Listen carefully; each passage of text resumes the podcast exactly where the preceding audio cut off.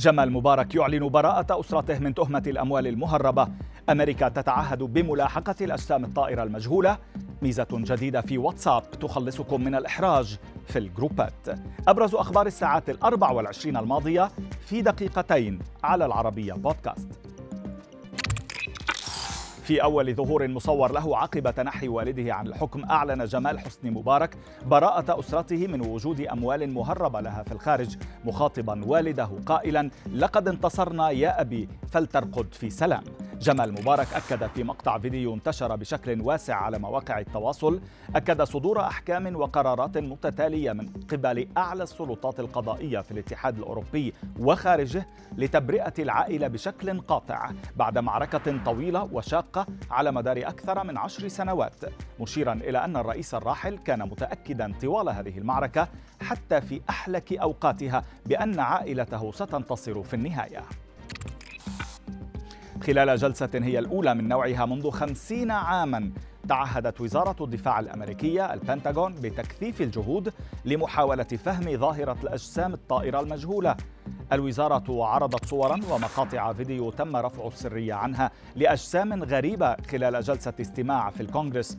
وقدمت تفسيرا لبعضها قائلة إنه يعود لطائرات من دون طيار فيما اعتبر مسؤول بالاستخبارات البحرية أن هذه الأجسام تشكل تهديدا محتملا على أمن العمليات العسكرية وسلامة الطيارين محذرا من الكشف عن بعض المعلومات بشأن الأجسام الطائرة أمام خصوم واشنطن.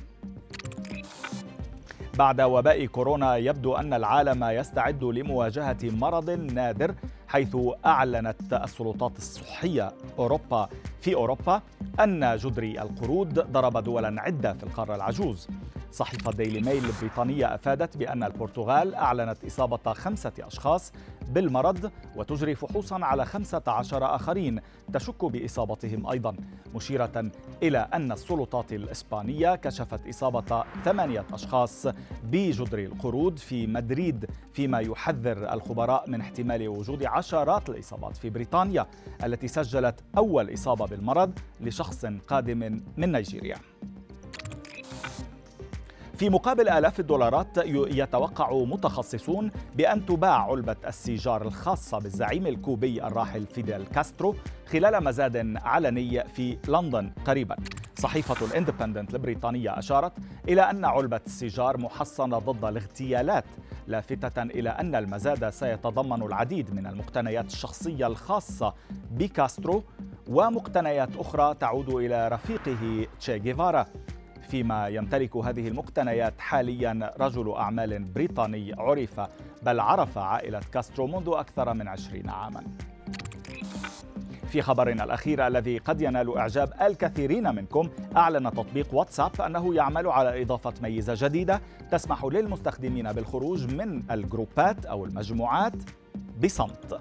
مواقع متخصصة أوضحت أن مدراء مجموعات المحادثة فقط هم من سيعرفون اسم الشخص الذي غادر المجموعة فيما لن يستطيع بقية الأعضاء معرفة ذلك كما يجري حاليا. ورأى متخصصون أن واتساب يهدف من طرح هذه الميزة الجديدة لجعل نظام المراسلة الأساسي أكثر سهولة في الاستخدام.